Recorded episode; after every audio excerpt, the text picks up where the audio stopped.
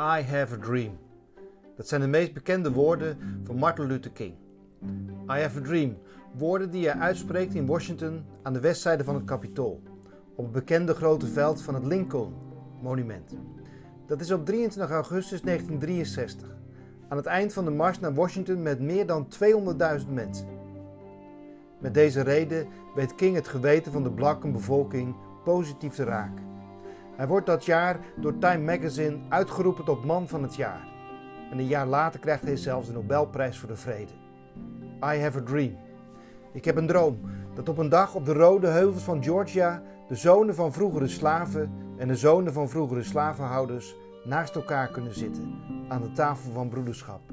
Ik heb een droom dat op een dag Alabama omgevormd zal worden in een plaats waar kleine zwarte jongens en zwarte meisjes hand in hand kunnen gaan met blanke jongens en blanke meisjes en samen kunnen lopen als broeders en zusters.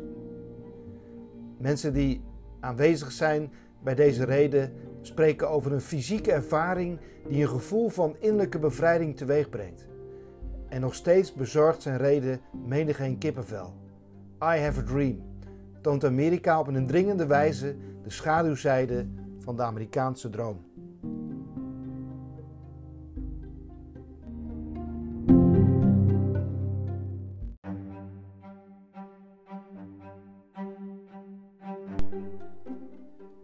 Geleden las ik een boek van Philip Yancey, Hoe mijn geloof de kerk overleeft.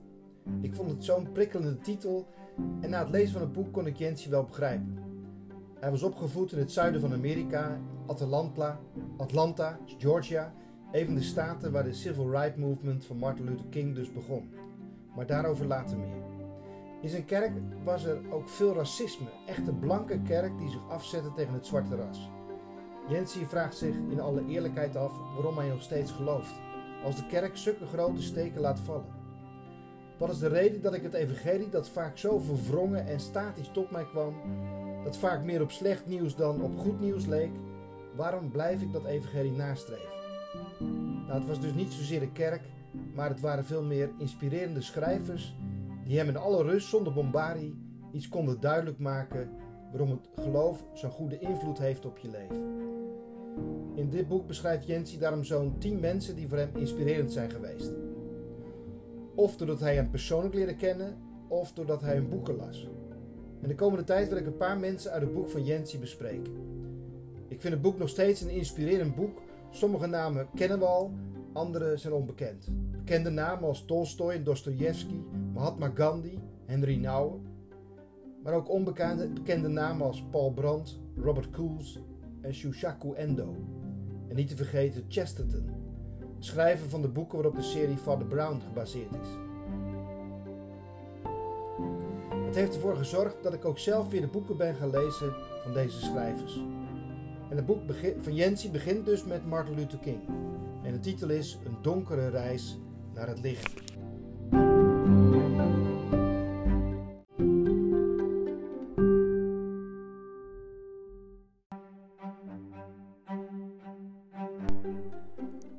Black Lives Matters movement in Amerika van vandaag is iets wat in een zekere zin met Martin Luther King begonnen is.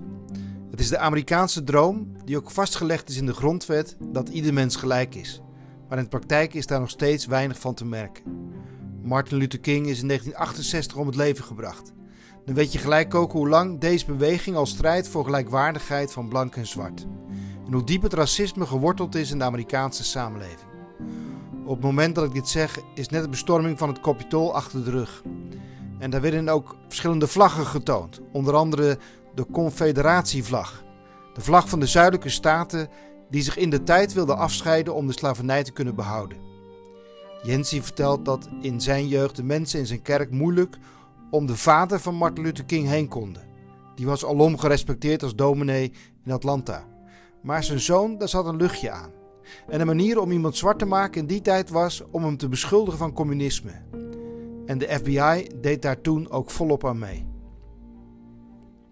De burgerrechtenbeweging is begonnen met Rosa Parks. Rosa Parks is de vrouw die op 1 december 1955 weigerde haar plaats af te staan in de bus aan een blanke man. Dat was in die tijd in sommige staten een wet.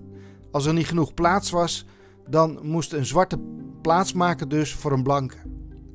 En er werd toen een nieuwe organisatie opgericht om de bussenboycott in gang te zetten. En King vertelt in zijn autobiografie dat Rosa Parks de aanleiding was en niet de oorzaak van de boycott.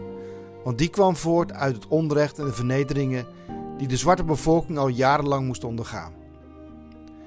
Het busincident vond plaats in Montgomery in de staat Alabama.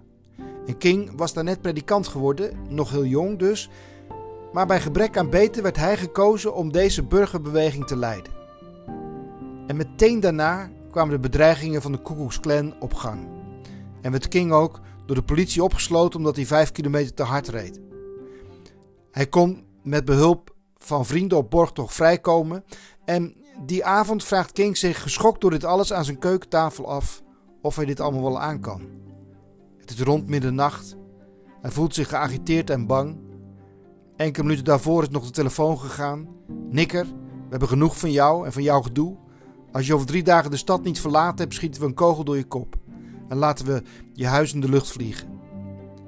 Hij zit nog aan zijn kop koffie te nippen.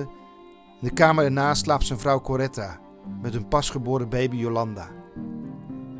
Drie avonden later explodeert er een bom bij de voordeur van de familie King. Het huis komt vol rook te staan en ligt vol met glasscherven, maar niemand raakt gewond. Hoe doe je dat? Hoe hou je dat vol?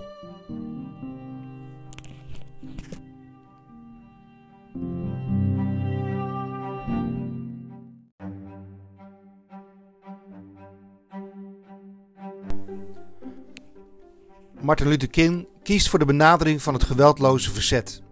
Geweldloosheid is iets wat hij van Mahatma Gandhi heeft geleerd. Gandhi had voor geweldloos verzet gekozen, maar kon en wilde in Zuid-Afrika en later India gewelddadige confrontaties met de autoriteiten niet vermijden. Hij zocht ze bewust op. Om succesvol te zijn had zijn beweging steeds nieuwe martelaren nodig. In de film Gandhi zit een prachtige scène waarin de politie te paard op de menigte afstormt. En Gandhi plotseling de opdracht geeft aan de mensen om te gaan liggen, waardoor de paarden stijgen en de politie niet verder komt. Maar meestal gaat het anders. Gandhi brengt dat zelf als volgt onder woorden. De wet van de zelfopoffering is universeel. Om effectief te kunnen zijn, vraagt ze om slachtofferen van de moedigste en hen die het puurst zijn. Hij bleef de Indiërs dan ook trainen in geweldloosheid door ze aan te moedigen zich onder paardenhoef te laten vertrappen of zich door knuppels bont en blauw te laten slaan. Er mocht geen geweld gebruikt worden. Er mocht niet eens gescholden worden.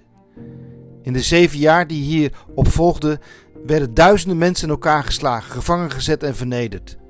Maar er werd van de kant van de Indiërs geen geweld gebruikt. Het publiek in Zuid-Afrika begon meer en meer sympathie te krijgen voor Gandhi en uiteindelijk was generaal Jan Christian Smuts gedwongen om met Gandhi te onderhandelen. En daarmee had hij een geniale formule te pakken. Met iedere bont en blauw geslagen medestrijder groeide in het Westen de sympathie voor de Indiase vrijheidsstrijd.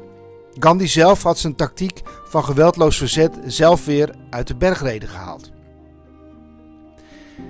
King is in 1959 ook naar India gereisd om met eigen ogen de invloed van de geweldloze revolutie te zien.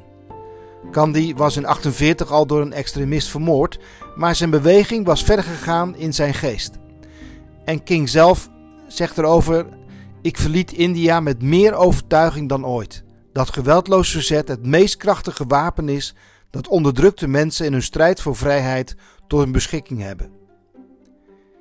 King vertelt dat de termen passief of geweldloos verzet in het begin niet gebruikt werden in zijn beweging, maar dat er vaak gesproken werd over christelijke liefde. Maar toen de filosofie van Gandhi geïntroduceerd werd, was het verbazingwekkend hoe snel dat geaccepteerd werd. Het geweldloze verzet was de methode van de beweging geworden, met de liefde als ideaal. Christus voorzag in de geest en de motivatie, Gandhi in de methode.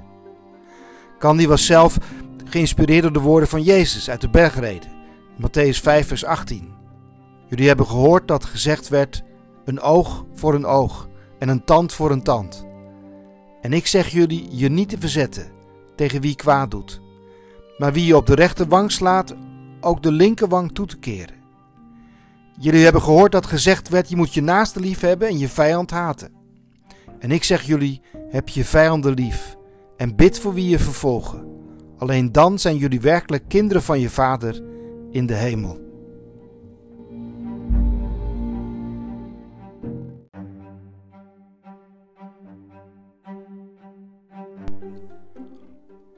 Hoe moeilijk het geweest is voor King om dit in praktijk te brengen, daar hebben we eigenlijk geen idee van. Op Kings begrafenis zei dokter Benjamin Mees het volgende: Zijn huis is gebombardeerd. Hij is 13 jaar lang voortdurend met de dood bedreigd. Hij is ten onrechte beschuldigd van communisme. Hij werd vals beschuldigd van oneerlijkheid. Hij is neergestoken door iemand van zijn eigen ras, neergeslagen in de lobby van een hotel, meer dan 20 keer gevangen gezet, verschillende keren diep gekwetst, omdat vrienden hem in de steek lieten. En toch had deze man geen wrok, geen bitterheid in zijn hart. Hij koesterde geen wraak en probeerde iedereen ervan te overtuigen dat het beter was om geen geweld te gebruiken en dat de liefde een bevrijdende kracht is. Het was ook moeilijk om vast te houden aan dit principe omdat anderen de beweging verlieten en kozen voor het geweld van Black Power, omdat ze geen vooruitgang zagen. In deze jaren vragen zwarte Amerikanen aan elkaar: voor wie ben je? Voor Malcolm X of voor King? Malcolm X kiest voor geweld. En dat trekt ook een grote groep jongeren juist aan, voor wie het geweldloze verzet veel te weinig oplevert. Veel mensen verlaten daarom de beweging van King. Toch zijn veel zwarten bereid om de nieuwe aanpak van King te volgen. Niet zozeer vanwege de tactiek, als wel omdat ze hun leiders willen volgen en omdat het voortkomt uit de woorden van Jezus. King maakt zelf het onderscheid tussen de methode en de levensfilosofie. Geweldloosheid is een manier van leven die je kiest vanwege de morele waarden. Toch is de bereidheid om geweldloosheid als methode te gebruiken een stap in de goede richting, aldus King. En bij King, voor wie het dus een levensfilosofie geworden is, wordt erop aangedrongen een lijfwacht in dienst te nemen. Hij overweegt ook zelf om een wapen te dragen. Hij had inmiddels al lang een wapen in huis, maar uiteindelijk botst dit met zijn eigen gedachten. Hoe kan ik een geweldloze beweging voorstaan en zelf een wapen hebben en ook dragen?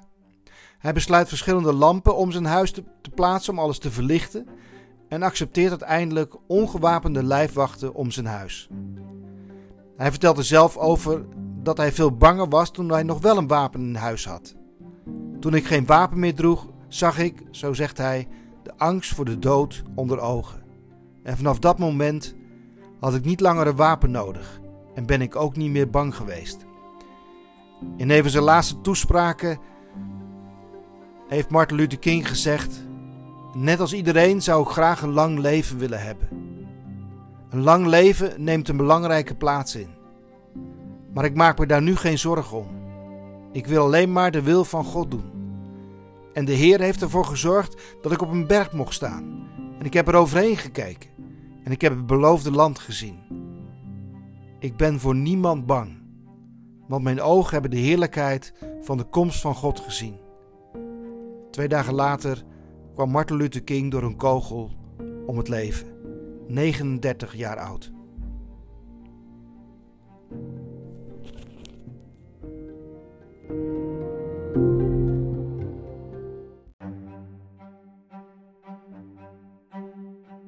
Luther King was geen perfect mens. Hij had zo zijn zwakheden. Maar één ding heeft hij goed gedaan. Tegen alle verwachtingen in, tegen alle instincten van zelfbehoud in, blijft hij trouw aan zijn visie. Hij slaat niet terug. Waar anderen oproepen tot wraak, roept hij op tot liefde en vergeving. Hoe kan King dat? Waar haalt hij dat vandaan? King legt zijn worsteling met vergeving vast in een brief uit de gevangenis van Birmingham, dat hij in de kantlijnen van kranten en op wc-papier had neergekrabbeld. Buiten de gevangenis schelden dominees hem uit voor communist en gillen mensenmenigte hang die nikker op. In dergelijke omstandigheden moet King soms een aantal dagen vasten, zo schrijft hij, om de geestelijke discipline te bereiken die hij nodig heeft om zijn vijanden te kunnen vergeven. En hij zegt daarover: Wij houden van mensen niet omdat we hen aardig vinden, niet omdat hun manier van doen ons aanspreekt en ook niet omdat ze een soort goddelijke vonk bezitten. Wij houden van alle mensen omdat God van hen houdt. King heeft met zijn geweldloos verzet heel bewust een strategie ontwikkeld, waarin gevochten wordt met genade in plaats van met geweren. En dat het een strategie is blijkt uit de plekken die gekozen zijn voor demonstraties. De beweging van King kiest juist voor de grootste voorstanders van racisme, een burgemeester, een sheriff of een politiecommissaris die erom bekend staan, ook om hun hardhandige handhaving. En hij probeert, zo zegt hij, de lichamen van de zwarte en de zielen van de blanken te redden. Het daadwerkelijke doel is niet de blanken te verslaan, maar een gevoel van schaamte in de onderdrukker tot leven te wekken en vraagtekens te plaatsen bij zijn misplaatste gevoel van superioriteit. Het doel is verzoening, het scheppen van liefdevolle gemeenschap. En uiteindelijk heeft deze strategie ook succes. Door het kwaad in de schijnwerper te zetten, hoopt King een landelijke reactie van morele verontwaardiging op te roepen. En dat moment doet zich voor op een brug buiten Selma. Toen de sheriff agenten loslaat, losliet op de ongewapende menigte en paarden inreden op de stoet. Er wordt op dat moment een film uitgezonden op ABC over het Nuremberg-proces, naar aanleiding van de nazi-praktijken in de Tweede Wereldoorlog. Dat wordt dus onderbroken om beelden te laten zien van de veldslag in Selma. En deze beelden vertonen afschuwelijk veel overeenkomst met de verhalen uit Nazi-Duitsland. Acht dagen later legt president Johnson de Voting Rights Act voor aan het Amerikaanse congres. Een wet die verbiedt dat bij het stemmen rassendiscriminatie wordt toegepast.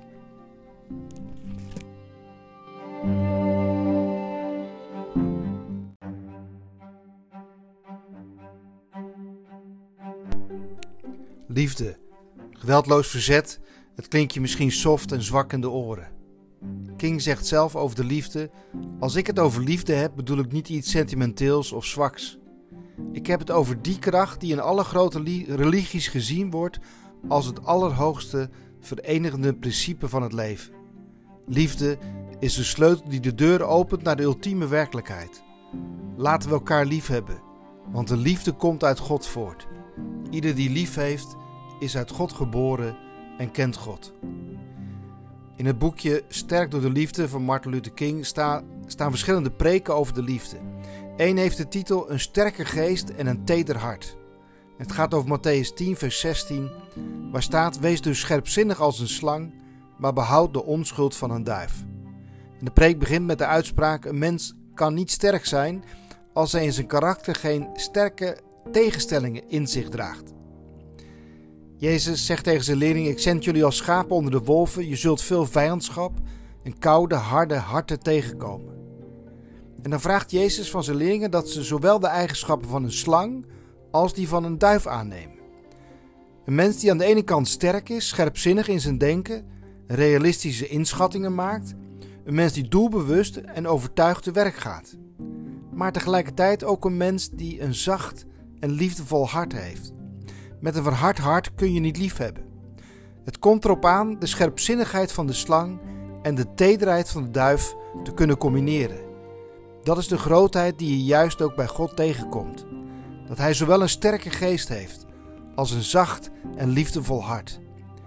En King eindigt daarom deze preek met de woorden: Als de dagen duister worden en de nachten somber, mogen we dankbaar zijn dat onze God in zijn karakter een creatieve synthese kent van liefde en gerechtigheid, die ons door de donkere dalen van het leven zal leiden, naar door de zon beschenen paden van hoop en vervulling.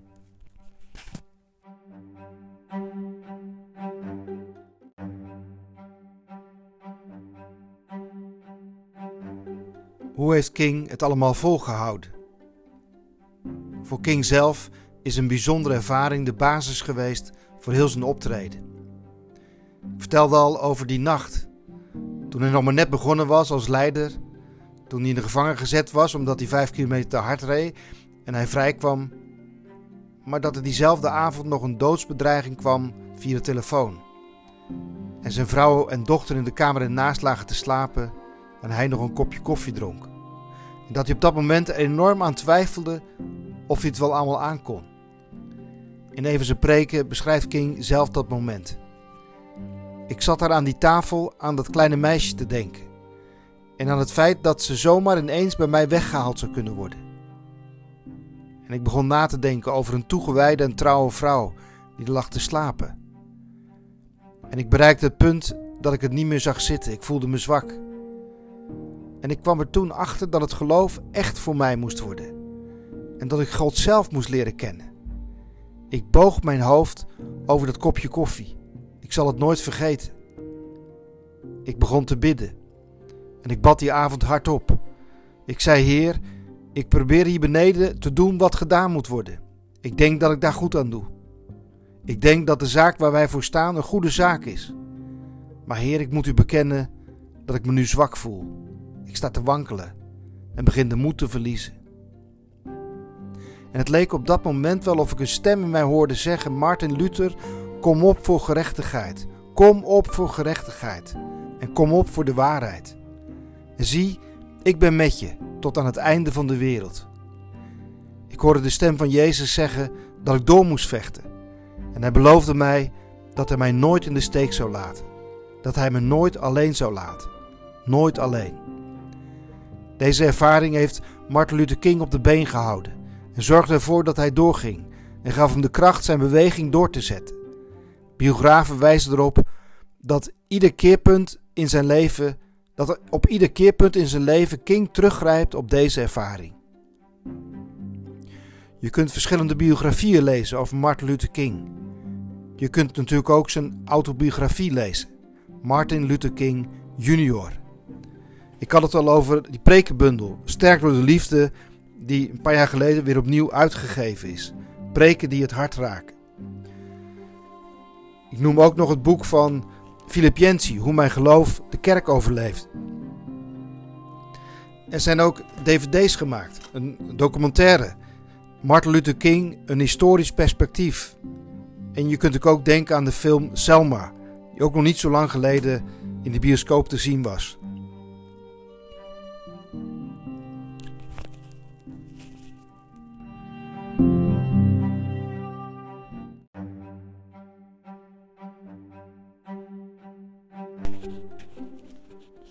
Wat me zo aanspreekt in Martin Luther King is dat hij opkomt voor gerechtigheid en opkomt voor de waarheid.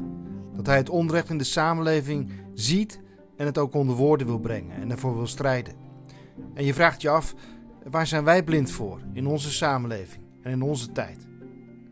Wat me ook aanspreekt is zijn geloof, dat hij aan de ene kant heel eerlijk praat over zijn eigen zwakheden en tegelijkertijd zijn steun vindt in het geloof en daar ook uit leeft.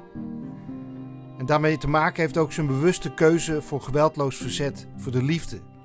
En dat ook consequent weet vol te houden. En soms ook eerlijk aangeeft dat hij weer tijd nodig heeft om zich op te laden. Martin Luther King was ook een begaafde redenaar. Zijn toespraken, daar kun je nog steeds delen van op het internet vinden. Ze zijn fenomenaal. Hij weet mensen echt te raken en te inspireren.